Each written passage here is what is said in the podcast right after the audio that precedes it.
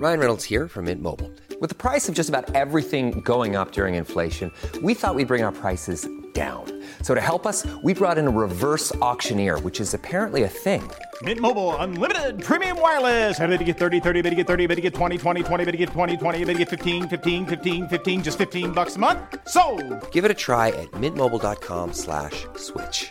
$45 upfront for three months plus taxes and fees. Promo rate for new customers for limited time. Unlimited more than 40 gigabytes per month. Slows. Full terms at mintmobile.com.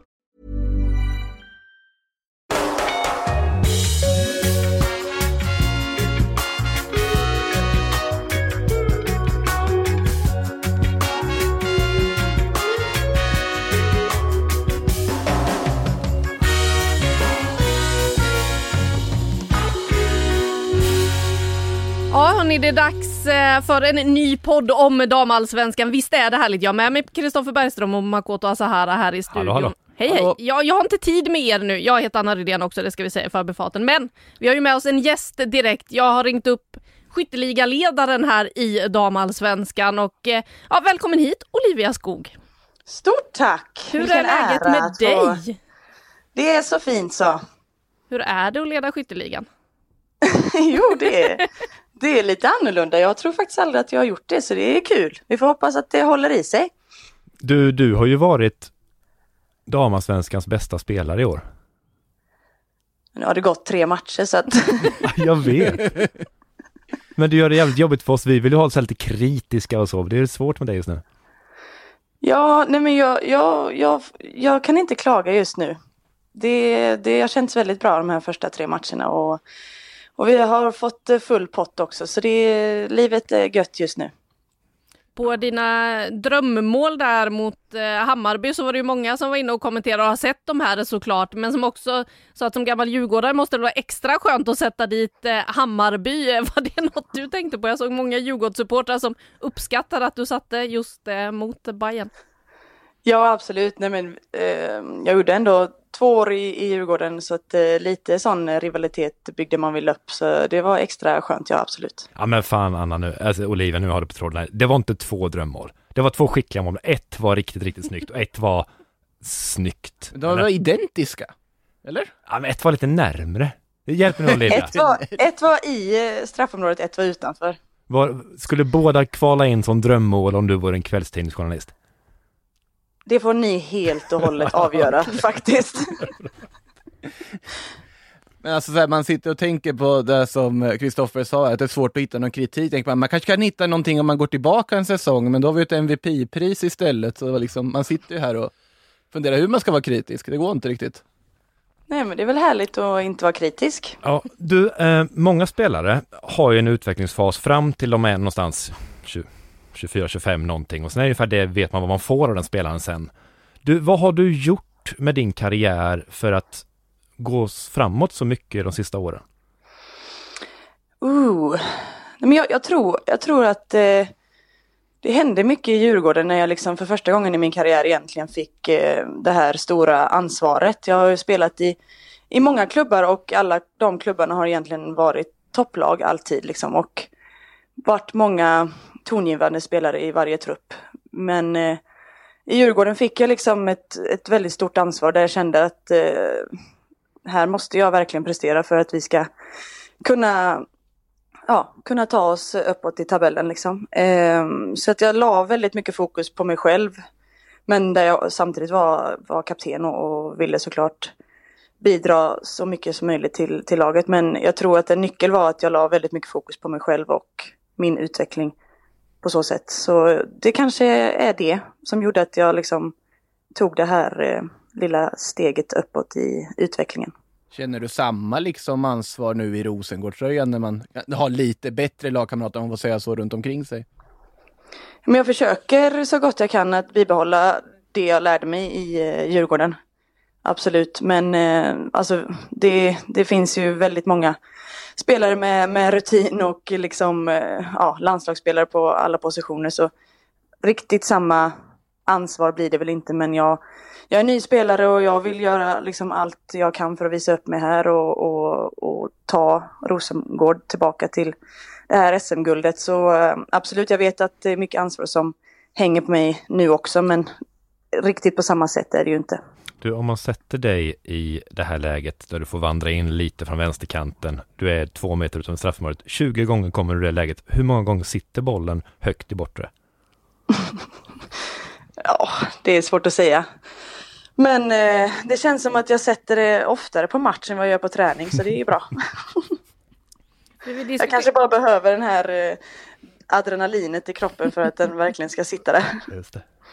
Du diskuterade lite här, eh, så här fotbollsfenomen man minns. Ett eh, sånt är ju en målgest. Det känns som att man ser väldigt få målgester eh, i damallsvenskan nu för tiden. Men du har en vev. Ja, det har Ja. blivit så. Den, den kom fram där under Djurgårdstiden och jag gillar den. Och nu har jag också börjat göra fler mål så nu, nu, nu liksom ligger den kvar. Så ja, men jag gillar den. Det liksom, jag får skrika ut min glädje tillsammans med veven liksom. Den är ju old school. Den är riktigt old school, men eh, vad tycker ni om den då? Äh, jag älskar ju den. Just Ja, för att den känns så mycket som att det ser ut som en 80-talsspelare som gör mål eller någonting sådär. Den är liksom inte riktad mot en publik. Det är ingen sån här töntig koreografi för att elda upp massorna, utan det är liksom det är du och din glädje. Det känns som att spelar du på en grusplan eller spelar du för 20 000 är det exakt samma målgest. Ja, men lite så. Jag är väl inte riktigt den här typen som har någon kaxig, kaxig målgest. Så att eh, det får bli den här. Och den kom liksom bara till mig någon gång och sen kände jag att det här kan jag fortsätta med. Man säger ju inte nej till en bra vev känns det som. Det känns ändå, Nej, men- det, det, det är rätt. Exakt så. Du har ju varit inne på din eh, historia här i Djurgården och så här. Hur blir det att möta dem nu igen då? För det blir ju nästan motstånd för er del. Ja, nej men det blir ju superintressant. Eh, jag led med dem verkligen mot AIK senast där de fick en straff emot sig som de verkligen inte skulle ha haft. Och det är lite den melodin som Djurgården har haft tycker jag de senaste åren. Ehm, men eh, givetvis så ska vi göra allt för att ta tre poäng men det är absolut intressant och eh, speciellt att möta sitt gamla lag. Du, eh, vi på Sportbladet skrev ju inför säsongen om turbulens i Djurgården. Eh, det var få spelare som tränade, många var slitna och det, vi skrev att det fanns ett missnöje mot eh, tränaren Pierre Fondin. Pratade du med gamla lagkamraterna då och hörde hur det var? Jag läste om det och jag var med landslaget då tror jag när det kom ut så jag la inte jättemycket energi på det men men det, det är någonting jag tycker låter eh, otroligt konstigt så jag tvivlar starkt på att det, det stämmer. Du, eh, kommer du fira om du gör mål eh, mot Djurgården eller hur, tänker man på sånt innan som spelare? Eh, åh, det har jag faktiskt inte tänkt på men det var bra du, bra du sa det. Så du får tid att fundera här nu i några dagar. Inga vevar nu. Det kommer bli rubriker. Inga vevar. Nej men eh, jag eh, som sagt varit i några klubbar nu och eh, den senaste klubben jag har varit eh, hos den brukar jag respektera mest såklart. Så att, eh, blir det något mål mot Djurgården så får vi hoppas att jag kan hålla mig ifrån eh, veven. Måste ju ändå fråga, när vi har dig här och vi har Kristoffer Bergström här, så måste vi reda ut vad som hände med det MVP-priset. Ja, men vad fan. Ja, ja, vi måste ju göra det, eller? Ja men jag, jag vet nu faktiskt. Ja, du vet. Ja nu vet jag. Jag har Berätta, tagit reda på detta. är det mitt fel? Jag är bättre journalist än vad ni Ja, Jag har gjort ett riktigt grävjobb. ja berätta. Nej men eh, jag fick höra att den kom till Djurgården. Aha. Och nu är den överlämnad till min agent som bor i Stockholm och de har den på sitt kontor. Så där sitter den på väggen och har det gött. Ja men vad bra. Åh, Så så nu är den ja. i rätt händer. Ja, för det, Nu vet du i alla fall vad den är, det känns Ja. tryggt. Exakt. Har vi rätt ut mysteriet? Eller ja, du har rätt ut mysteriet rättare sagt. Vi har väl inte gjort så mycket åt det, men Jag har fått så mycket skuld för det här Olivia, precis som att Ja. Fanny Long som vann årets mål fick jättefula blommor tydligen och det var också mitt fel på Aj, något aj, sätt. aj. Jag är så Ja, jäkla det- dålig på sånt där. Det är inte lätt. Men eh, nu kan ni slappna av. Bra, härligt. Och eh, jag kan lova här och nu att vi byter prisansvarig till galan. I Men jag bad aldrig om den titeln, vad fan fick jag den? Jag kan ju inte. Nej, du kommer inte få den igen i alla fall, det kan vi vara säkra på. Eh, men du, Olivia, en grej. När du var med landslaget senast med så pratade du om liksom att komma till Rosengård och det här vinnarkulturen som finns där. Att där ska man ju bara vinna medan du liksom fortfarande var lite chockad och sådär när man vinner och blir sådär himla glad. Blir du det fortfarande eller börjar du lära dig hur det är att eh, vinna hela tiden? För Ni har ju tagit tre raka.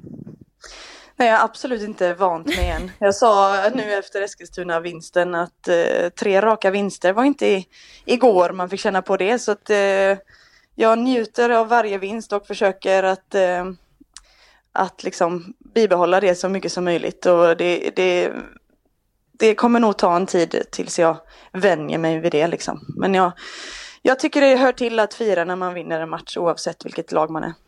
Vad betyder det för dig då att kunna njuta av det där och faktiskt eh, fira vinsterna, att ta in den glädjen som det ju ändå är att eh, vinna?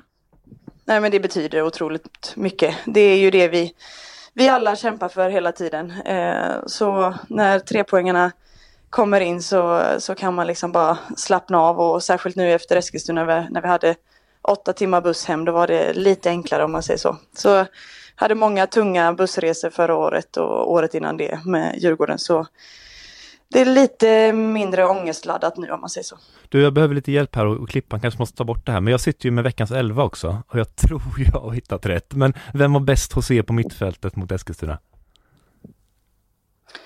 Eh, alltså, ja, det är då hela mittfältet där, jag förstår jag. Ja.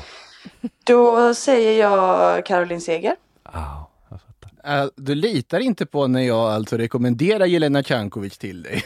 Efter den jo, innan. jag vet kanske, men nu är det någon som har spelat också. Nu, Jo, jo, det, nu- jag, jag förstår att Olivias röst väger tyngre i det här sammanhanget, absolut. Yes, Ja, yes. det är ni som sätter elvorna, men det är min åsikt i alla fall. Ja, jag förstår. Kanske kan få in båda. Till och med. Ja, det var tjockt mittfältet. Det är så. Ja, det är ju fortfarande bara begränsat antal platser. 14 spelare som är 11 bästa. Ja, Ja. Nu, nu, tack för att du störde oss i podden. Det var himla trevligt. nu ska vi prata själva istället. Ja, men gör det. Okej. Du, tack, det så gött. tack så hemskt mycket Olivia. Vi hö- hörs under säsongen. Det gör vi. Ha det nu så himla gött. Detsamma. Bra. Hej, hej. Hey, I'm Ryan Reynolds. At Mint Mobile, we like to do the opposite of what Big Wireless does. They charge you a lot, we charge you a little. So naturally, when they announced they'd be raising their prices due to inflation, we decided to deflate our prices due to not hating you. That's right. We're cutting the price of Mint Unlimited from $30 a month to just $15 a month. Give it a try at mintmobile.com slash switch. $45 upfront for three months plus taxes and fees. Promo rate for new customers for limited time. Unlimited more than 40 gigabytes per month. Slows. Full terms at mintmobile.com.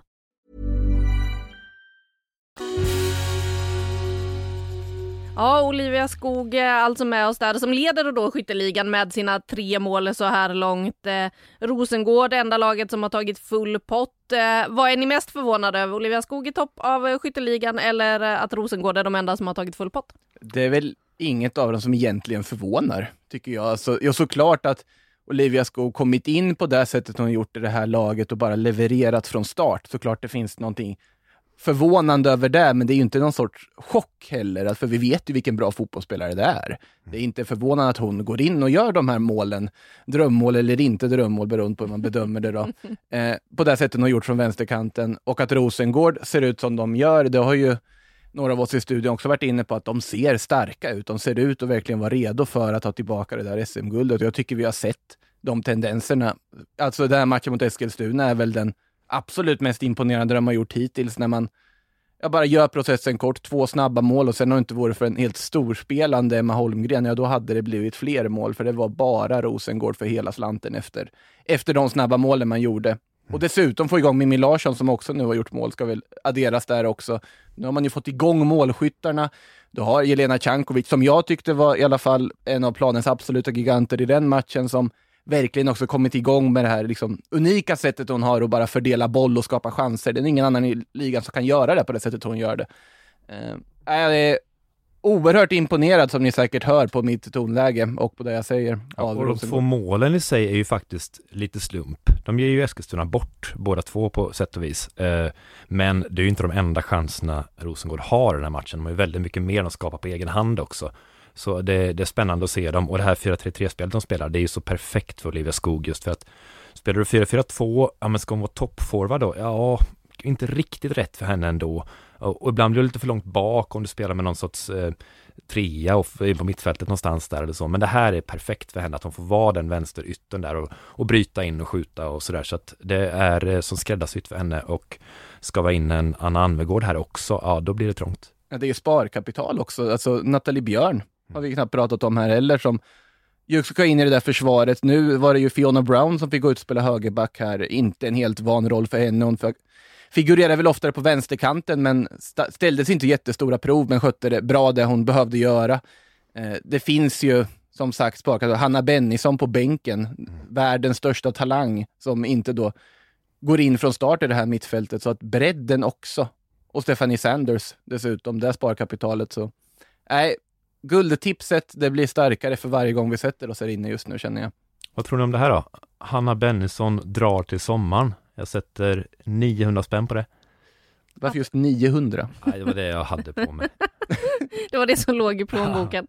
Eh, alltså, du tror att hon drar i sommar? Ja, jag är rätt säker på det. Alltså Men jag tänker, någonstans- behöver hon inte speltiden då? För den får hon ju inte just nu i Rosengård. Borde Nej. man inte vilja få upp hennes speltid för att då kunna sälja henne för en bättre peng? Det, förstår vad du menar, men folk har koll på henne. Så pass bra är scoutingverksamheten numera i, i europeisk toppfotboll och folk vet vilket, vilket namn hon är. Folk har väl goal, folk har väl läst på den här listan också och sett överhuvudtaget. Eh, hon får ju inte speltid. Alltså nu är det lite folk borta och ändå så får hon inte nog med speltid och det är uppenbart att Eidevall inte har henne som en ordinarie spelare utan det är, det är någon som hoppar in bara och hon vill ju spela mycket mer än så här. Så att eh, jag ska väl inte gå in på vilka uppgifter jag har utan nu sitter jag här och bara slänger ur med tyckande saker. Jag är helt övertygad om att hon inte spelar till hösten. Det är men ju- är det rätt då inför ett OS här liksom? För nu vill hon ju vara kvar i Rosengård så att hon får speltid och Mm. kommer in i en OS-trupp. För det är ju det många av spelarna drömmer om i nuläget. eh, Att få en av de där 16 platserna som utespelare. Sen hör det ju till att eh, Hanna Bennison ju är i den åldern hon är och tar studenten eh, nu till sommaren. Så att eh, det som kanske har hållit henne kvar lite ner i den skånska myllan eh, släpper ju. Ja, och, och jag tror inte hon tar sig till OS om hon inte får mer speltid än så här. Och det är inte för att hon har någon låg kvalitet eller någonting. det är en väldigt tajt trupp, tajtare än på ett VM till exempel. Och hon spelar inte just nu särskilt mycket. Eh, och då, då blir, finns det andra som gör det helt enkelt. Så att jag, jag eh, tror inte hon är nöjd. Det här vet jag ingenting om, huruvida det är så. Det ska jag inte låtsas som. Men jag tror inte att hon är jättenöjd och jag tror inte att hon blir kvar. Eh, för att storklubbar vill ju ha henne förstås sådär och om inte Eidevall börjar spela henne mycket mer så eh, förstår jag om det finns alternativ som lockar när höstsäsongen drar igång i europeiska storligor. Sen, sen finns det en aspekt där man också ska ha i åtanke utan att jag heller sitter här på något, något konkret egentligen, utan mer funderingar här också. Men att ja, man kan argumentera för att ja, men om hon inte startar för Rosengård, varför ska hon gå till Arsenal eller City eller Chelsea och bara sitta på bänken där? Då kommer hon inte platta där heller. Nej, men det finns en helt annan form av träningmiljö. Med all respekt till vad Rosengård har, som ändå är väldigt långt fram på den svenska scenen, så Alltså, titta bara på Musovics beslut att gå till Chelsea. Hon ser ju inte ut att ha ångrat det för en sekund och hon har knappt spelat. Men det är ju för den enormt goda träningsmiljö, alla möjligheter du får runt planen på alla sätt för att utvecklas som fotbollsspelare. Såklart det lockar att göra den flytten i en relativt tidig, tidig stadie om du har möjligheten att göra det. Så att eh, jag hade ju inte heller blivit förvånad om hon rör på sig till sommaren till en av de större klubbarna, för de större klubbarna borde vara väldigt intresserade i alla fall av att plocka in henne. Sen ska vi ju komma ihåg med att i, även om man håsar storlagen i till exempel England som satsar så är det ju fortfarande ett fåtal klubbar som är riktigt, riktigt bra där. Det finns ju lag i Premier League som håller på att börja sin satsning, eller Women's Super League då, som eh, också har herrlag i Premier League som satsar där det faktiskt inte finns den konkurrensen på mittfältet som Rosengård har. Nej, så är det. Så är det. Rosengård är ju jättebra, alltså också på en europeisk nivå är ju de mittfältsspelarna väldigt bra så länge Caroline Seger är på den här nivån. Alltså de, de har ju en jättestark trea där så det är inte så konstigt liksom så. Men samtidigt så så går det inte i den här åldern att sitta för mycket på bänken. Det ska hon inte göra. Hon ska spela, hon ska få en massa 90 minuter och det, det verkar hon inte få just nu. Nej, och då kan det finnas alternativ även i större ligor. Ja, jag menar det. Jag, Men tror, alltså, jag tror definitivt att hon kan gå in i princip rakt in i, ja, i Premier League eller i, Bundesliga eller något liknande. Super League ska sägas att det är också. Mm. Men eh, alltså, om man tittar på mittfältet, typ United eller Liverpool eller Everton och vad det nu kan vara. Alltså det, det är ju mittfält som teoretiskt sett de skulle kunna slå sig in i. Rosengård, ja det låter mindre. Men det mittfältet är inte, alltså om inte till och med bättre än vad, säg Liverpool har. Så att det, det finns ju alla möjligheter. Om det just är England och det finns ju andra, andra ligor också som jag brukar sitta och säga i andra poddar. Det finns ju en spansk solkust dessutom.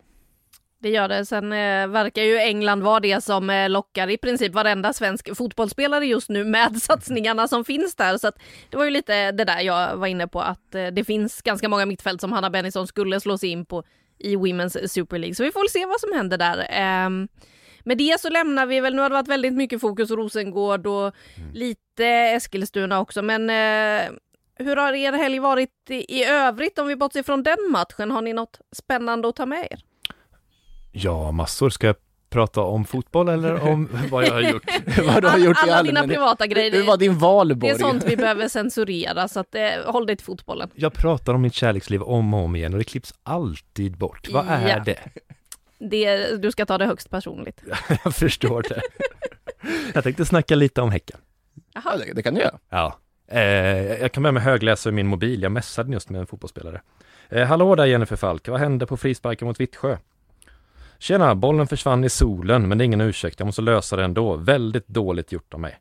Och så blir jag så här lite defensiv så här och säger så här att alltså jag ska betona att du är en väldigt, väldigt bra målvakt hittills. Det var väldigt bra för dig. Och, så, och hon säger ingen fara, säg precis det du tycker. Tack, sa hon bara. Så.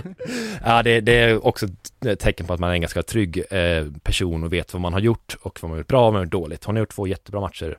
Eh, hon gjorde faktiskt en jättedålig sak mot Vittsjö när hon släpper, det är en lång Ebba Hed frispark. Samma läge ungefär som minns det här målet som Gelnik gjorde när Hed slog en frispark från nästan halva plan. Jajamän. Eh, Men den här gången så går Falk ut och släpper den bara bakom sig och där kommer Milet Jans och skickar in den. Eh, Det gör att det blir 1-1 i matchen. Det tycker jag ändå inte är kärnan i matchen Vittsjö-Häcken. Alltså det är helt okej att komma dit och hämta en poäng. Det är liksom en jättesvår bortamatch. Men sättet de gör det på visar att det här inte är samma Häcken som då- det laget som vann SM-guld i fjol. I fjol åkte Kopparbergs ner dit, spelade sitt 3-5-2, vann med 2-0 som de gjorde i alla andra matcher i princip de vann. Eh, var väldigt trygga, gjorde precis samma sak. Rebecka Blomqvist och Nathalie Kujka i mål, två spelare som har gått, som man inte har ersatt med likadana spelartyper. Och det man gör när man kommer ner till Vittsjö, att man ställer sig i 4-3-3 direkt. Hanna Wik som högerback, offensiva mittfältaren Hanna Wik. Eh, väldigt speciellt att se att man redan från början då, eh, Mats Gren är flexibel om man är snäll.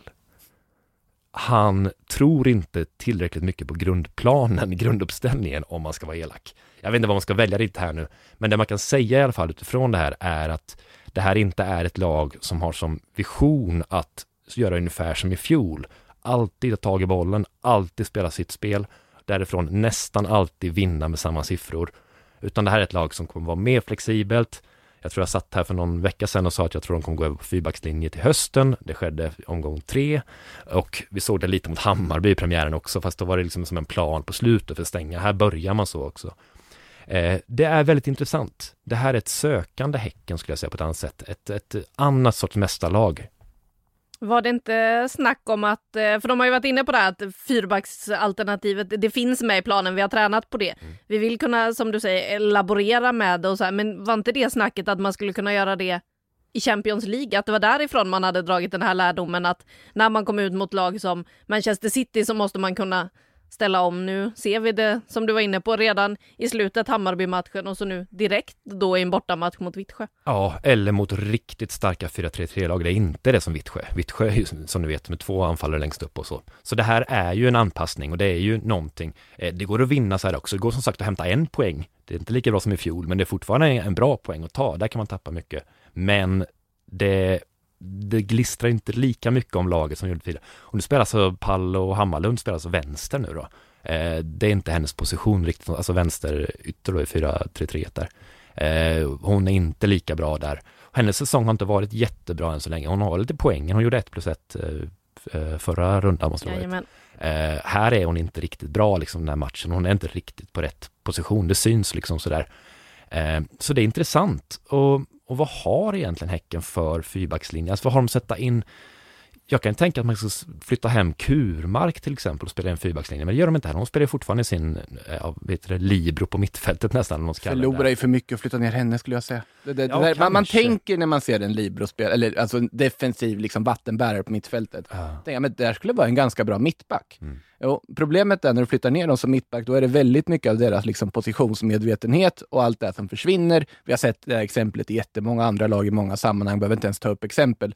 Och du förlorar där liksom automatiska skyddet då, framförallt om du spelar en fyrbacks. Mm. Då vill, ja, I en trebacks, ja då, då, då, är det, andra- då finns det andra möjligheter att laborera, men i en fyrbacks, om, med tanke på hur bra det har fungerat med Pippo Kurmark framför, det finns ingen anledning att plocka ner henne dit. Bara en liten inflik. Nej, precis. Och i trebackslinjen i fjol gjorde hon det när hon behövde Mm. det. Men det är skillnad på att spela fyrbackslinje, absolut där. Eh, Elin Rubensson kan ju vara ytterback, det är hon ju i landslaget. Eh, men det var inte den backlinjen vi såg nu alltså, utan Eh, det här är speciellt. Ehm, jag, ehm, mm, jag har ju ett grundtips, ska man återvända hela tiden, att, att Häcken har höjder som kanske är högst av alla i, i serien, men jag tror inte de har konsekvensen och det här maskinella riktigt i år. Och jag tycker har fått lite vatten på min kvarn, men det kanske var självgott att säga omgång tre. Nej, ni har ju era grundtips eh, som är väldigt tydliga och jag har fortfarande mitt då som säger att Häcken försvarar det här guldet. Och en grej som jag tänker då lyfta i det här sammanhanget igen, det är ju den andra anfallaren som normalt sett spelar tillsammans med Pauline Hammarlund, som vi ser med ett otroligt självförtroende den här säsongen jämfört med vad vi såg i fjol. Vi ser vad det gör med Stina Blackstenius när hon inte har det här som stör runt omkring med skador och flytten som var inför förra säsongen med all den oron som blev. Nu har hon landat in i Häcken, hon har hittat formen. Hon kan göra mål från ingen vinkel alls. Det där skottet, eh, det hade ju inte suttit förra säsongen, det som hon sätter mot eh, Vittsjö. I fjol kunde hon stå på straffpunkten och träffa korvförsäljaren. Nu kan hon liksom stå ut på kanten och få en snedträff som drar den i krysset istället. Det är en otrolig skillnad. Det är eh, så läckert att se. Hon behöver ju inte vara hundraprocentig så länge hon är så otroligt delaktig och fortfarande skapar de här chanserna. Det är ju inte på några snygga finter eller någonting, det är bara på att hon ser liksom lite bättre ut än man är lite mer fysisk, lite mer rejäl och sådär. Det är eh, häftigt att se den här förvandlingen. Ja, men om, man, om man har liksom tvivel på vart liksom BK Häcken som lag är, alltså rent liksom i stabilitetsmässigt, då är ju snarare det som liksom väger upp det åt andra hållet är ju att Blackstenius ser ut som en helt annan anfallare den här alltså säsongsinledningen verkligen. Uh, är det, jag sitter jag bara här och är imponerad över saker konstant har jag märkt. Jag, jag har fått den rollen utan att vilja det riktigt. Jag bara sitter och är Är det för att jag är imponerad. så sur hela tiden? Måste Ja, man måste det. väl väga upp det på något sätt. Jag sitter bara och är imponerad av allt och allting. Kommer vara det ännu mer också när vi kommer in på andra saker under, under det här avsnittet. Men jag, Stina Blackstenius ingår också i kategorin av saker jag är imponerad av eh, den här måndagen. Ja, eh, har du något mer eh, kring eh, dina spaningar runt Häcken, Kristoffer, eller ska vi bläddra oss vidare denna måndag? Jag tycker vi bläddrar oss vidare. Ja, eh, för vi kommer ju prata mängder med mer om Häcken under den här säsongen också och eh, ja, vi låter väl Makoto vara lite imponerad igen för nu ska vi prata Stockholms derby. Det var ju jag på plats och såg på Stockholms stadion. Olivia Skog var inne på det här tidigare. Djurgården får alltså en straff emot sig i slutet av matchen.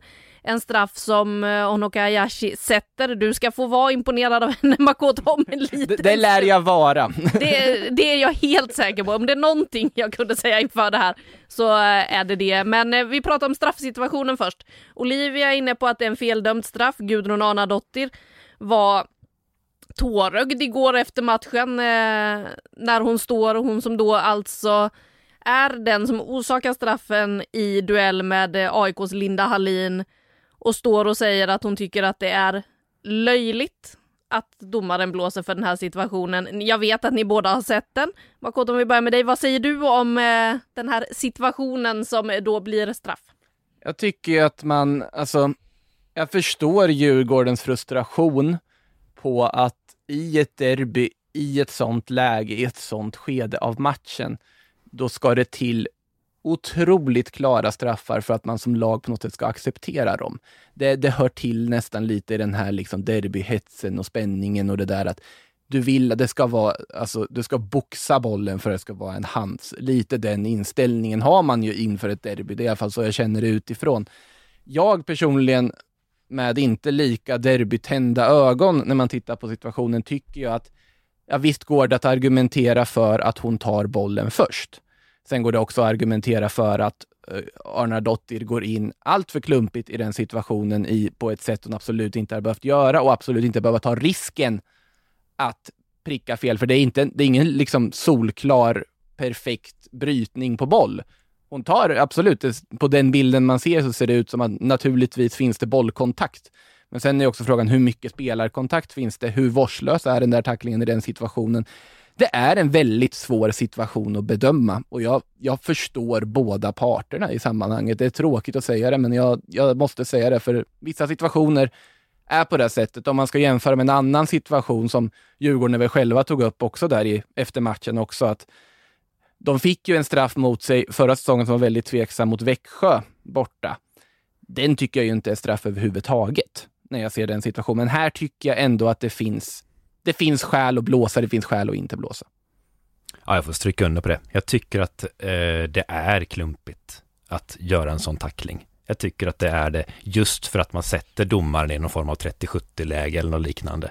Så ofta kommer man undan med det, men det går faktiskt att blåsa. Och du behöver inte, det är inte så att det är en jättebra målchans, du måste inte göra så i det läget. Och du måste inte göra det inne i straffområdet i så fall. Ska du ta en sån liten eh, chanstackling så gör det utanför.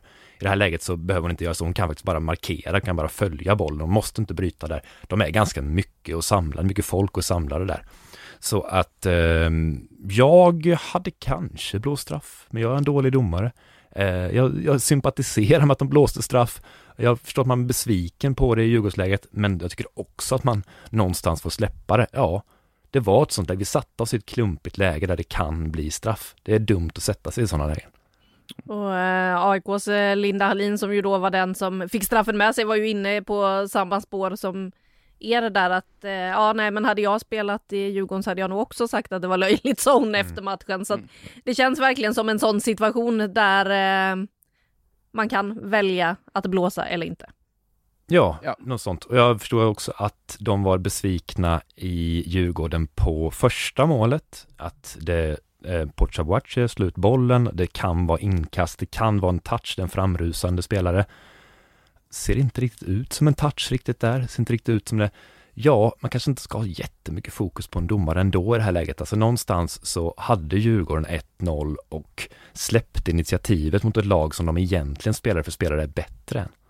Så då innan vi eh, går över med och tittar på det här med AIK-ögon och eh, Makoto ska få imponeras så kan vi bara ta, för jag har lagt ut eh, och bett om lite frågor och Stefan då har skickat in en fråga och vill att vi ska diskutera lite just Djurgårdens oförmåga att stänga matcher. För så är det ju verkligen i den här matchen att man leder med 1-0, man får Haley Dowds mål precis innan halvtidsvilan. Får och får, hon gör ja, det bra. Hon gör ett väldigt vackert mål. Eh, som de har jobbat sig till. Och sen så kommer de ut i andra halvlek och tappar initiativet, släpper in AIK i matchen, vilket gör att AIK både kvitterar och sen då också gör eh, det vinnande målet på straffen. Så vad säger ni om Djurgårdens oförmåga att stänga matcherna? Att den inte är slumpartad på något vis, utan det är det som är kvalitet, att kunna stänga en match. Och det gör inte Djurgården just nu. De spelar inte, de håller inte upp spelet riktigt, de är inte så trygga att de, att de bara klarar av det. Eh, så är det ju. Sen derbyn är ju speciella, ja. Eh, självklart är det så. Men eh, att AIK ska få ta över initiativet i den här matchen, det är ju faktiskt eh, skickligt av AIK och ganska oskickligt av Djurgården.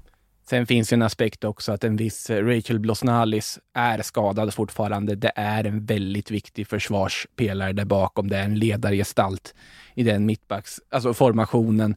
Eh, Kila van den Bulk har ju gått ner och fått spela mittback vissa matcher också och så vidare. Hon ska väl snarare vara på ett mittfält egentligen. Mm. Eh, det är ju ett skadebekymmer där och det, det tappet är väldigt tungt för det är en av deras absolut mest meriterade och bästa mittbackar som på något sätt också är ledargestalten där bak. Så att det måste man ju också ha i åtanke när man tittar på liksom Djurgården och deras defensiva kapaciteter.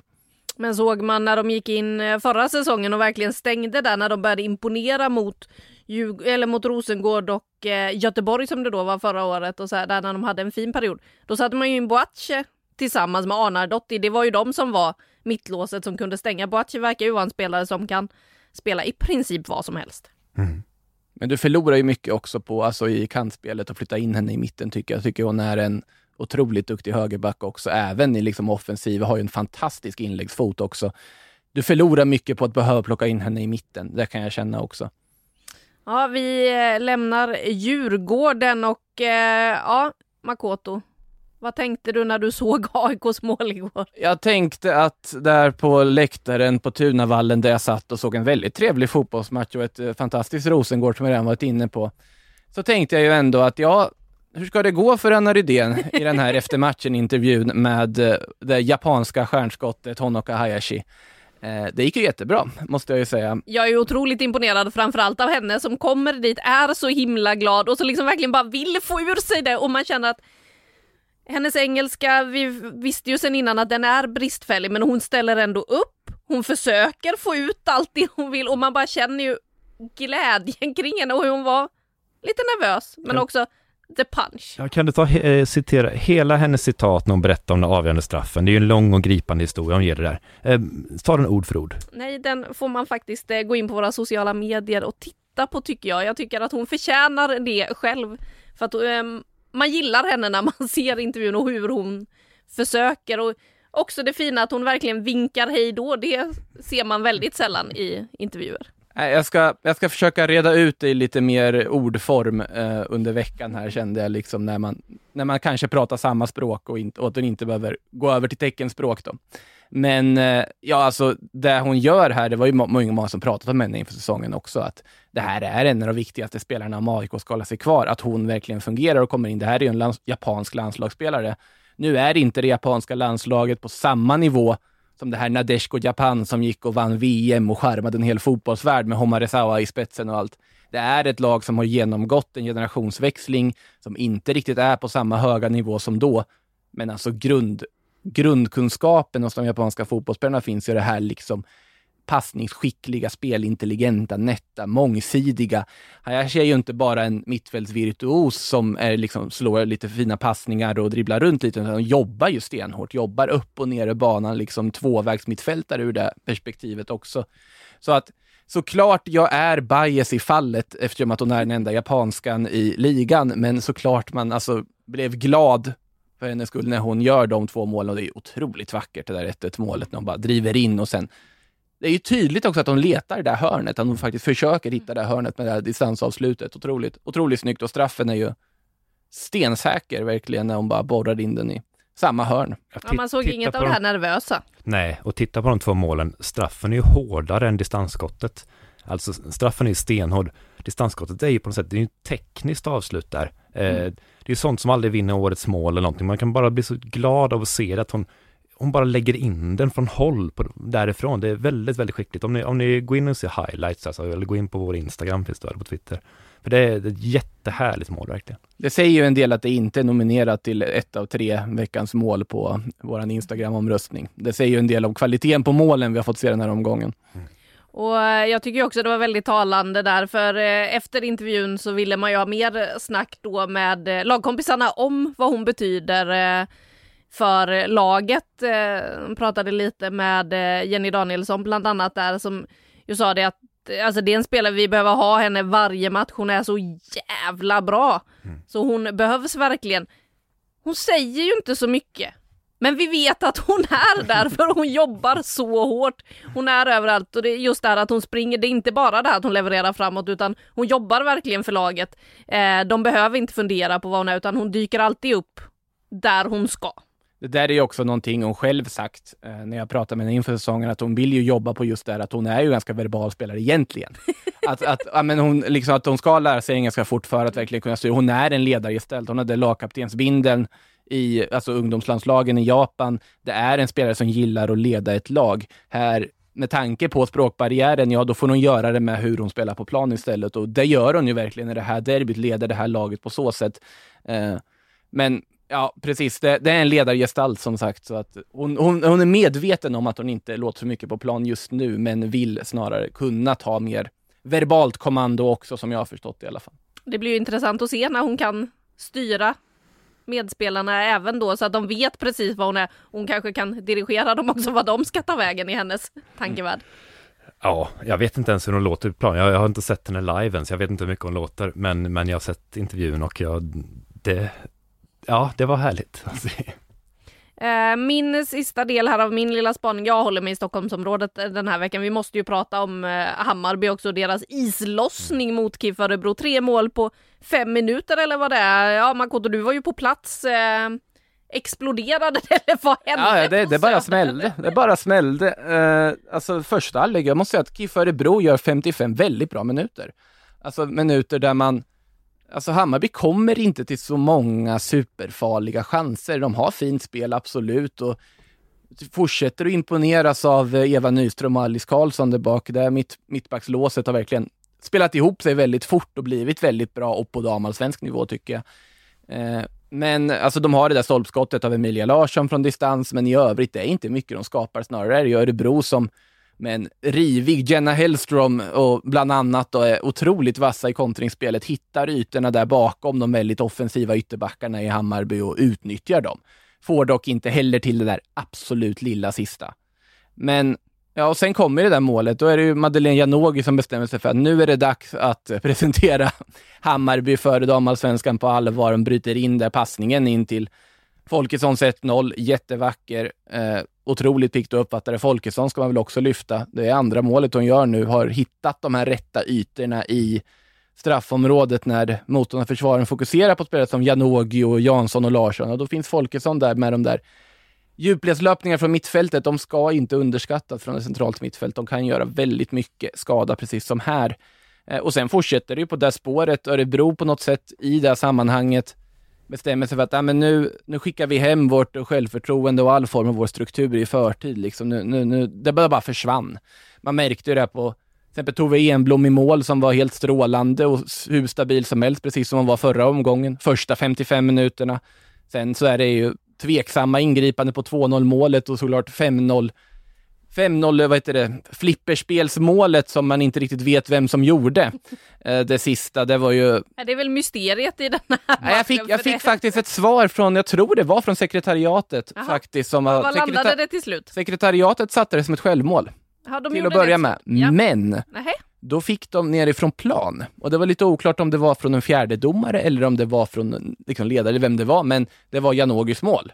Och därav att det ändrades. Och sen ändrades det igen då när jag pratade med Madeleine efter och hon säger att det där var inte mitt mål. Liksom. Jag rörde inte Nej, för hon bollen. är ju inte på den, det ser man ju på tv-bilderna. Madeleine hon- Janogy är ju inte på den. Nej, och det var ju Elsa Karlssons mål då. Att, Ja. Och så bollen, alltså man tittar regelboksmässigt om bollen går mot mål och försvararen eller målvakten då, om deras ingripande inte förändrar bollbanan så att den liksom går i mål istället för utanför, ja men då är det inte ett självmål.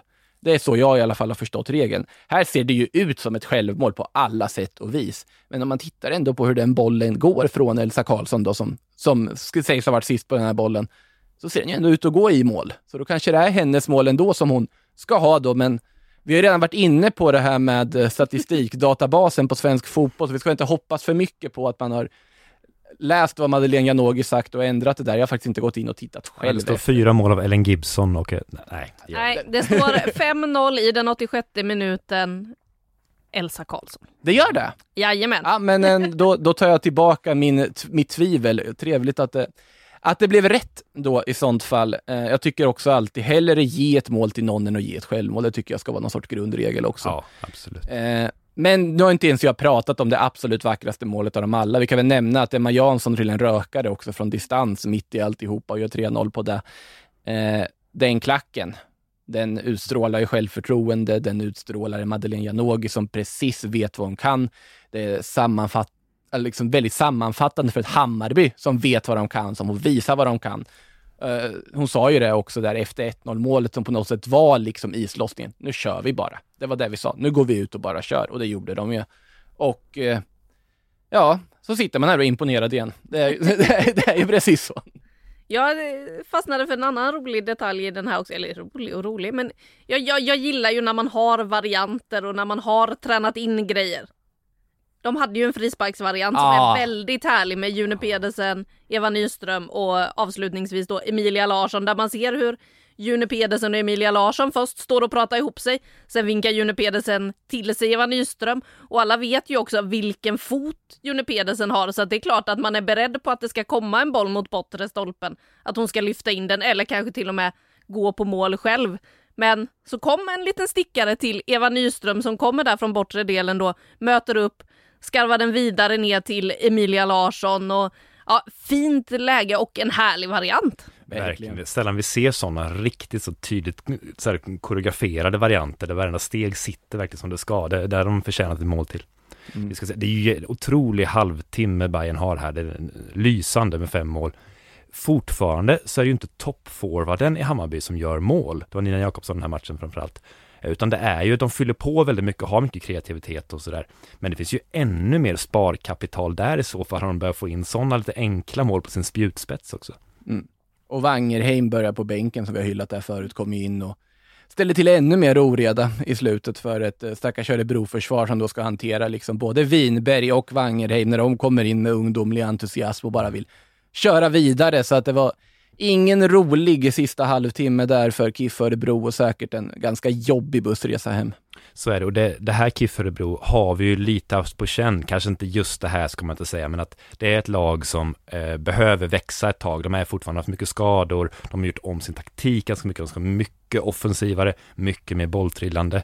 Sådana saker kan gå i baklås på ett annat. De har inte någon grundtrygghet där. Men det är som, som Makoto säger här nu, släpper en boll borta mot Bayern, ja men det ska ju funka. Man har ju slagit Vittsjö för guds skull, man är ju bra. Fast då rasar bara allting. Det finns liksom ingenting att sätta emot riktigt där. Och det tror jag vi får finna oss vid med KIF Örebro. Blandade resultat, i alla fall över OS, tror jag. Jag tror det är ett lag som inte är färdig, har inte en grundstabilitet där, utan det kan mycket väl bli att de vinner nästa omgång eller något sånt där. Det, liksom, det säger inte allt. Det säger bara att det kan rasa fort i det här laget. Och där längtar jag ju lite efter nästa omgång för att vi har ju ett eh, favoritmöte sen i alla fall förra säsongen. Eh, det är ett El Gnellico på gång. Ja, det här är det gör lite ont när du säger det. Vi Ja. satt och kollade på en underbar 3-3 match i fjol och tänkte att vi har inte döpt gnällbältes derby till någonting. Så, så gärna får jobba högvarv och kommer fram till El Gnellico, för det låter bra. Och jag skrev det. Och så får jag ett mail. Hörde Kristoffer, Gnäll Classico? Är inte det bättre? Nej! Jo, det är det! Det är mycket bättre! Och det är redan för sent, jag har redan skrivit det. Och det gör så ont! Här ska man hålla på och mynta. Och så är det så mycket, mycket genialiska läsare man har. Åh, Så we keep rubbing it in. sluta, sluta. Ja, det har vi alltså att se fram emot till helgen. Och där kan vi tillägga, om ni har missat det vid det här laget, att eh, alla matcher sänds ju exklusivt på Sportbladet Play, alla matcher i OBOS damallsvenskan. Så där kan man ju gå in och gotta ner sig i allt det här om man inte bara vill ha det i pratform eller nöjer sig med höjdpunkter så kan man ju faktiskt titta på matcherna också. Bland annat då El Gnellico, Kristoffer. Eh, Det är väldigt smart namn, det kommer växa det namnet. Classico Ja. kommer kännas eh, trött. Vi får ju väl se. Makoto, har du någon spaning eh, från er? Är du imponerad över något annat? Ja, man är ju, mina spaningar innehåller ju mest att jag är imponerad av saker, så är det ju. Man, man hänförs av otroligt mycket intressanta projekt det pågår i den här serien, så är det ju. Men jag ska väl försöka hitta någonting som kanske då är lite, ja, i och för sig, vi kan väl ta en aspekt som jag är väldigt imponerad av. Eh, Nej vänta, innan du gör det, kan vi inte redovisa, eh, förra veckan så hyllade du Eskilstuna och KIF Örebro. Kan vi inte bara kort redovisa, vilken målskillnad har de just den här omgången? Ah, du, du har börjat hitta en sån, sån sorts trend här. Ja. Då, då beklagar jag mig Eskilstuna när jag ska hylla någonting som ni har gjort ännu en gång. För att ifall ni nu torskar El Gnellico med 5-0 eller dylikt. Ehm, Då är det Makotos fel. ja. men ja, det fin, finns det någon spelare i den här serien som har en lika otacksam uppgift i allmänhet liksom som Emma Holmgren? Möjligtvis Emma Holmgren förra säsongen. Ja, men det, var, det är lite med förra säsongen i åtanke. Jag säger det att hon, hon är en av seriens bästa målvakter. Hon är det i Uppsala. Hon, jag förstår inte, vad hade Uppsala haft för poängkvot om hon inte hade stått där? Och nu pratar vi ändå om ett Uppsala som har ganska många liksom, lovande, spännande spelare som ändå fått vara kvar i serien, till exempel Capox och Olai och så vidare. Eh, men, men alltså helt strålande även om de åker ur med dunder och brak. Går till Eskilstuna, ett satsande Eskilstuna, ett spännande Eskilstuna. Nu är ju det här en match som man på något sätt förväntas ändå inte vinna. Det är en match mot seriens bästa lag. Eh, men alltså vilka räddningar hon gör i den här matchen. Den här, alltså skottet från Katrin Veje, har ni sett det? Mm. Det, det här avslutet stenhårt, liksom, kunde varit årets mål, redan liksom korat på det, liksom dunderkanonen. Och där är hon uppe i krysset och petar den i, liksom i stolpen och räddar väl tre, fyra frilägen i matchen.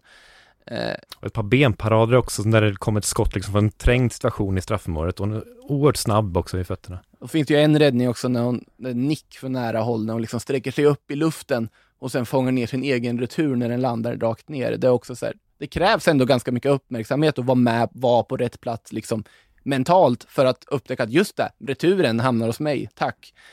Eh, så jag vill egentligen bara, även om hon själv inte är nöjd med sin insats, hon släppte in två mål, och de fick inga poäng. Även om hon inte själv är nöjd med sin insats så tycker jag att Emma Holmgrens storspel är värt att lyfta i en omgång. Kanske också med tanke på att Jennifer Falk inte storspelade på samma sätt som vanligt och att det ändå finns en, en liten landslagsplats och landslagsdiskussion. Hon var ju med på samlingen senast också. Ehm, så det är väl det som jag kommer på spontant. Så återigen någonting jag är imponerad av. Jag vill ju ha någon sorts eh, reportageserie med dig Makoto. Du åker runt i Sverige och häpnar. Och imponeras av saker. Makoto åker runt hakan. och säger wow. Vilken grej. Vilken det... rondell! alltså jag lovar att hitta saker jag är mindre imponerad av under säsongens gång. Um, men, det, men hittills är jag mest imponerad. Ja, jag kan väl ta en grej, för nu är det ett möte här vi inte har pratat om. Vi ska prata om eh, det fruktansvärt tråkiga i den som Lina ställer en fråga om eh, när jag har slängt ut på sociala medier att man ska skicka in. Så vi börjar väl där. Jag får inga fax. Är det ingen som lyssnar på oss? Eh... 864 29210. Det är svårt att komma fram på faxen. Mm. Men eh, det handlar ju då om mötet som eh, var först eh, där vi ju eh, fick se Växjö ta emot Kristianstad och eh, om vi börjar med då det supertråkiga där som Lina undrar över hur mycket det kommer eh, påverka Kristianstad att Sveindis Jonsdottir skadar sig. Nu vet vi ju inte i nuläget exakt hur illa det är med knät. Hon ska magnetröntgas och sådär. Vi spelar in det här på måndags eftermiddagen mm. och eh, hon ska väl förhoppningsvis vara undersökt nu men eh, man har inte fått svar på det där riktigt än vad det verkar. Men eh, hur stort tapp är det för Kristianstad, för en Jonsdottir som har imponerat otroligt. Det är någon som inte bara ja, imponerat verkligen. på Makoto. Nej, men i det här fallet så då är det ju inte, man är ju inte imponerad utan faktiskt genuint bedrövad. Alltså att en sån spelare som kommit in som en sån frisk fläkt och liksom otroligt spännande. Ska verkligen, man såg verkligen fram emot att se den här säsongen och bara fortsätta imponeras under säsongen. Nu vet vi inte hur allvarligt det är, som sagt, men man är ju orolig sett man sett den situationen. Det, det ser inte bra ut. Framförallt mm. låter det inte bra. Man hör ju hur ont hon har. Och sånt, nej. Det är så fruktansvärt tråkigt för henne, framför allt i det här läget. Det är, det finns knappt ord för att beskriva hur tråkigt jag tycker det är. Men om man ska då försöka titta på det krast ur ett Kristianstad-perspektiv, vad det betyder för dem på planen, ja då är det ju också liksom bedrövande. För just den positionen som de har behövt, just den positionen som på något sätt har saknats, det är ju den där självklarheten centralt i anfallet. De har laborerat under säsongen och under försäsongen. Liksom Mia Karlsson var uppe och spelade anfallare en match. Nu har de använt Amanda Edgren där uppe på pappret också. Eh, sen är det ju Miranda Nill då, nya nyförvärvet som kommit in där också nu är frisk och spel, spelduglig. Men det är ju ett stort frågetecken. Det är ett stort frågetecken för ett lag som har haft ambitionen och utåt sett att vi ska vara med och slåss längst upp i tabellen. Vi kommer inte fira en tredjeplats en andra gång. Och ur det perspektivet, om vi ska sätta Kristianstad utifrån de förutsättningarna, då finns det alla anledning att oroa sig för att hur det här sportligt kommer påverka. För jag ser inte en självklar målskytt när Jonsdotter inte är där. Då kan Ceci Åsland vara lika briljant som hon alltid brukar vara på mittfältet och Summanen lika så. Men vem ska vara liksom referenspunkten där framme? Det är min fråga. Nej, det är väldigt tydligt. Miranda Nild är ju inte lika bra. Så, så enkelt är det. Och, och Kristianstad, de ser ju bra i poängskörden, sju poäng, det ser ju väldigt bra ut. Men det har inte varit så bra som vi är vana vid. Det tempot har varit lägre. De har inte riktigt kunnat vrida runt så mycket. De vill ju överbelasta, skicka mycket bollar. Eh, jag tycker inte Summonen har varit jättebra den första matchen. Nu var de bättre nu senast. Eh, utan de har ju litat ganska mycket på Jonsdottir som är, som är så fenomenal. Eh, så utan henne så måste ju laget höja sig till fjolårsnivån, för där är de inte än. Eh, så tydligt är det. Och de måste höja sig ännu mer än så när de då inte har någon riktigt, riktigt stark anfallare. Och det blir ju ett intressant eh, möte redan då till eh, helgen när det faktiskt blir lite derbykänsla nere i Skåne med. Vi har ju några sådana att se fram emot den här säsongen också. Kristianstad mot Vittsjö, ett Vittsjö som ju säkert är sugna på att tvåla dit eh, Kristianstad. Man vill ju vara bäst i Skåne också och det säger ju ganska mycket att vara bäst i Skåne jämfört med då vi har suttit här och hypat Stockholms derby och vara bäst i Stockholm och sådär. Är man bäst i Skåne, ja då kan man också vinna SM-guld eventuellt. Ehm. Ja, men just också, det är ju ett mardrömsmotstånd att få i det här läget också. Vittsjö är väl ett av de kanske mest stabila lagen bakåt vi har i serien. De har ett grundsystem, de har en trygghet i det de gör och en självklarhet i det de gör. Att åka, att möta dem i det här läget när Kristianstad uppenbarligen hittills har haft väldigt stora problem. Alltså det har ju varit Jonsdottir som gjort skillnad i de här matcherna. Om, inte, om vi bara plockar bort hennes poäng. Det är ett väldigt basic sätt och nästan lite felaktigt sätt att titta på det egentligen, men det säger ändå en hel del. Plocka bort hennes poäng. Ja, då, har du, ja, då är det knappt att du har slumpträffarna från Mia Karlsson kvar.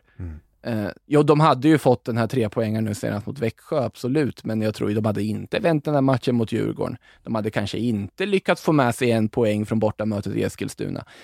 Så att det är ett enormt tapp i det här läget. Och så såklart också när transferfönstret är stängt. Det är ju en aspekt som man måste ha i åtanke också.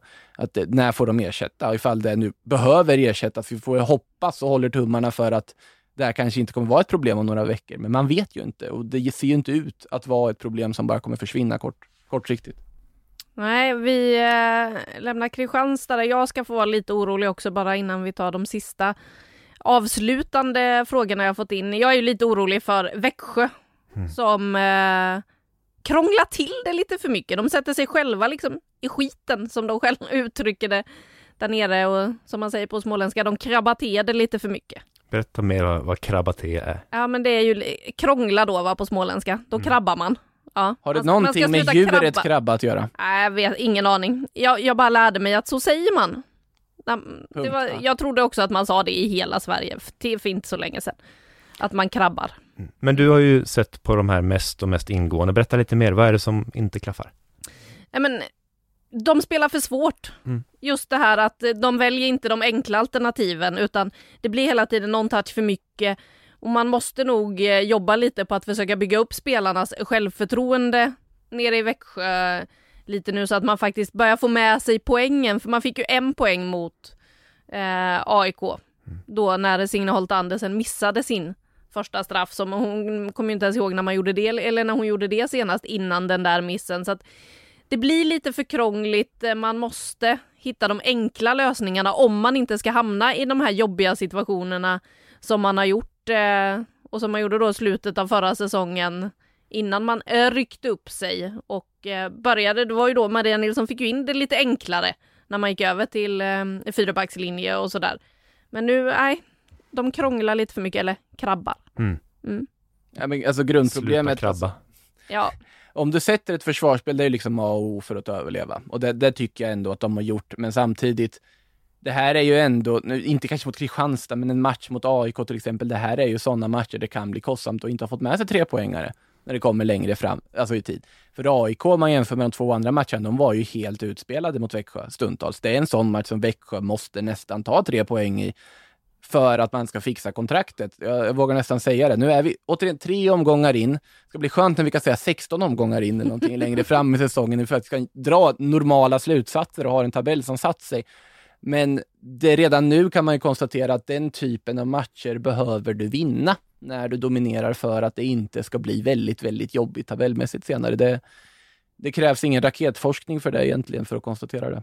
Nej, uddlösheten framåt är någonting som Växjö måste eh, råda bot på. De måste hitta in och göra mål. Det var ju det de hade problem med förra året också, men det känns jobbigare för dem i år om man till exempel ser till matchbilden då mot AIK. En bortamatch mot Piteå väntar nu också. Det är ingen eh, kul hemresa där om vi ska tänka tillbaka på vad Olivia Skog pratade om inledningsvis att skulle det gå jobbigt där, då, eh, nej. Är det Då- bussen då- som gäller till Piteå eller är det flyget? Nej, då är det är väl flyg i alla fall en bit hoppas jag. Jag vet inte om de åker buss upp till Stockholm möjligtvis och flyger härifrån eh, Växjö till eh, Piteå annars. Det är fruktansvärt långt. Och så har de Rosengård omgången efter det sen. Så att de har det riktigt eh, tufft ja. Ja, det kan vara tufft för Växjö. Men hörni, eh, innan vi avrundar här så har det ju inte bara spelats damallsvenskan. Eh, Vi, Ska vi Ja, det- konstatera att Piteå är friska också kanske? det kan vi ju göra och eh, får väl se hur de är påverkade av det här när de väl Mm. Kommer att få spela igen. Eh, Vi ser ju fram emot att se dem på planen igen. Samma sak med Linköping som ju då inte har spelat i den här omgången. Men Champions League hörni. Det ska ju spelas en final i Göteborg. Nu vet vi att det blir Barcelona mot Chelsea och eh, vad känner ni inför eh, ett sånt möte? Ja men det är ju så omöjligt att inte tänka på corona när det blir så äntligen var en sån fantastisk match i Sverige och så, åh. Ja, Den 16 maj, den 17 är det väl FHM har pratat om att det i alla fall får komma 500. ja men man vill ju ha 15 000. Ja, det vill man absolut. Men Nej. just nu så är ju också bara 500 en jäkla lyft. Ja, Ja, men ja, nej. Det, det är väl en häftig match, men det är svårt att liksom, det, det, det känns inte riktigt som det glödde till. När- Man vill ju ha svensk kopplingen mer än dem på plan, man vill ha dem på läktarna och det gör ont tycker jag. Ja, men det är ju framförallt tråkigt för spelare som Magdalena Eriksson och Jonna Andersson att liksom ska gå ut i en Champions League-final på hemmaplan och liksom egna fansen kan inte vara på plats. Det är ju någonting väldigt tråkigt i det, men det är också någonting som på något sätt blivit vardagsmat. Det är läskigt att säga det, men det var länge sedan det, för mig som det faktiskt på något sätt blev vardagsmat där med tomma läktare. Man har vant sig. Man var rädd för att göra det, men man har vant sig. Men lyssna, kan man inte lagt matchen antingen med Vittsjö, Vittsjö IP eller kanalplan? För där kan man snika en plats i alla fall. kan man inte gjort så får stå folk runt och titta på Magda i alla fall. Jag vet inte om kanalplan är Uefa-certifierad i och för sig, men Vittsjö IP då? ja, d- d- den är nog det. Den är nog garanterat. Den håller nog för all form av Champions League-spel. Men, Eh, men ja, det är precis gräsrotfotbollen vi vill tillbaka till, så det är jättefint i och för sig. Nej, men om man tittar sportsligt på matchen så är det ju bara det faktum att Lyon inte är med, är ju, och inget emot Lyon, men det är ju häftigt i sig. Det här är två lag som alltså, är ganska jämna också på förhand tycker jag. Det finns två av världens absolut mest alltså, farligaste anfallsformationer. Vi har ett Chelsea med Harder, Kirby, Kerr. Den trion är ju, alltså det är inget lag som vill möta dem. Med tanke på hur otroligt vassa alla tre är och sen resten av laget också såklart. Som också har en ganska liksom, det finns väldigt mycket go i laget på att man gör den här vändningen mot Bayern München på det sättet man gör den, att man kör över ett sånt motstånd, det här erkänt försvarsstarka Bayern München bara liksom sköljer över dem. Må så vara med lite mållinjeräddningar och dylikt där på slutminuterna, men att man ändå gör det. Man tar sig till den här finalen, det här målet som man har haft att ta Champions League-titeln. Och där då ett Barcelona som nu med ett Real Madrid som har börjat jaga hemma i Spanien, de är ju otroligt långt ifrån fortfarande, för Barcelona har ju ett liksom, decennielångt försprång. Men en Champions League-titel för dem hade ju betytt något enormt mycket också för hela den satsningen och hela den klubben. De har ju, jag får nästan säga avrättat hela ligan. De har ju bara varit helt liksom fullkomligt överlägsna. Det har inte varit liksom en skymt till någon som varit nära att kunna hota dem i det inhemska. Det kan förstå om det är tufft för en madridista som eh, Kosovare Asllani ändå att ha den alltså vardagsbilden med Barcelona som är så ofantligt bra i, i det inhemska. Deras tät trio med Caroline Graham Hansen och Lika Martens och Jennifer Hermoso, det är ju en jättefin också. Den är ju också en sån Och då har vi inte nämnt Oshoala. Nej. Ja, det är ett fantastiskt lag det är också och de har de har det här lite sviniga i sig också att kunna liksom lägga till. Jag vet i, i semifinalen mot PSG, det var ju riktigt tufft, riktigt grinigt stundtals. De kan den typen av fotboll också. Det är inte bara ett skönt spelande lag. Eh, jättehäftig final, tycker Mm. jag. Så att jag, jag ser väldigt mycket fram emot den, även om det blir inramningsmässigt inte lika roligt som det skulle kunna ha varit. Men Anna Rydén, vår sociala medieansvarig, kan vi inte sluta den här podden i dur? Eh, Hanna Glas gör ett otroligt mål i semifinal 1. Det Eh, gjorde hon verkligen. ja, hur är det nu om man har en ordvits som är lite elak, men man liksom vill ändå köra den på något sätt. Hur blir det då när Radiosporten ska instagramma om det här? Ja, då blir det ju vilken glaslirare. Aj, aj, aj, aj, aj. En spelare som har tre korsbandsskador. Nej, för nej, nej. Så jävla dumt. Åh, du får väl hålla igen även om du kommer på skämtet. Det är så dumt. Nej, man, måste, man måste tänka ett extra varv. Åh, hon har Fundera just på gjort vad- världens mål i Ja. Champions League semifinal. Och vart fantastisk i matchen, låg bakom det första herregud. målet, sen gör det Men är det någon så- som inte förstått vad glaslirare betyder då? Ska vi misstänka att det kanske är så? Ja, Jag, men jag någon- hoppas nästan Ja, det att man med tänker tanke att ja, på... men glas är rent och fint. Alltså att Ja. det glimrar.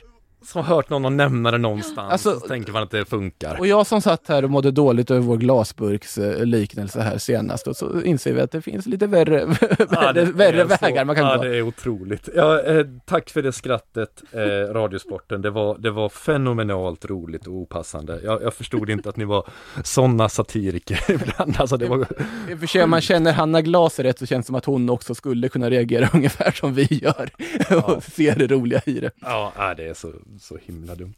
Ja, vi får väl se vad vi hittar som ska locka till skratt nästa vecka. Men hörni, nu har vi pratat hur länge som helst känns Men det det var som. Olivia Skogs fel. Varför kom hon in och pratade? Det är väl fantastiskt att vi får med spelarna här. Sista gången vi får någon gäst och jag sitter och klagar på det. Ja, Ja. tycker det var oerhört härligt att få inleda det här med eh, Olivia Skog. Vi börjar direkt får- bara leta kritiska vinklar också.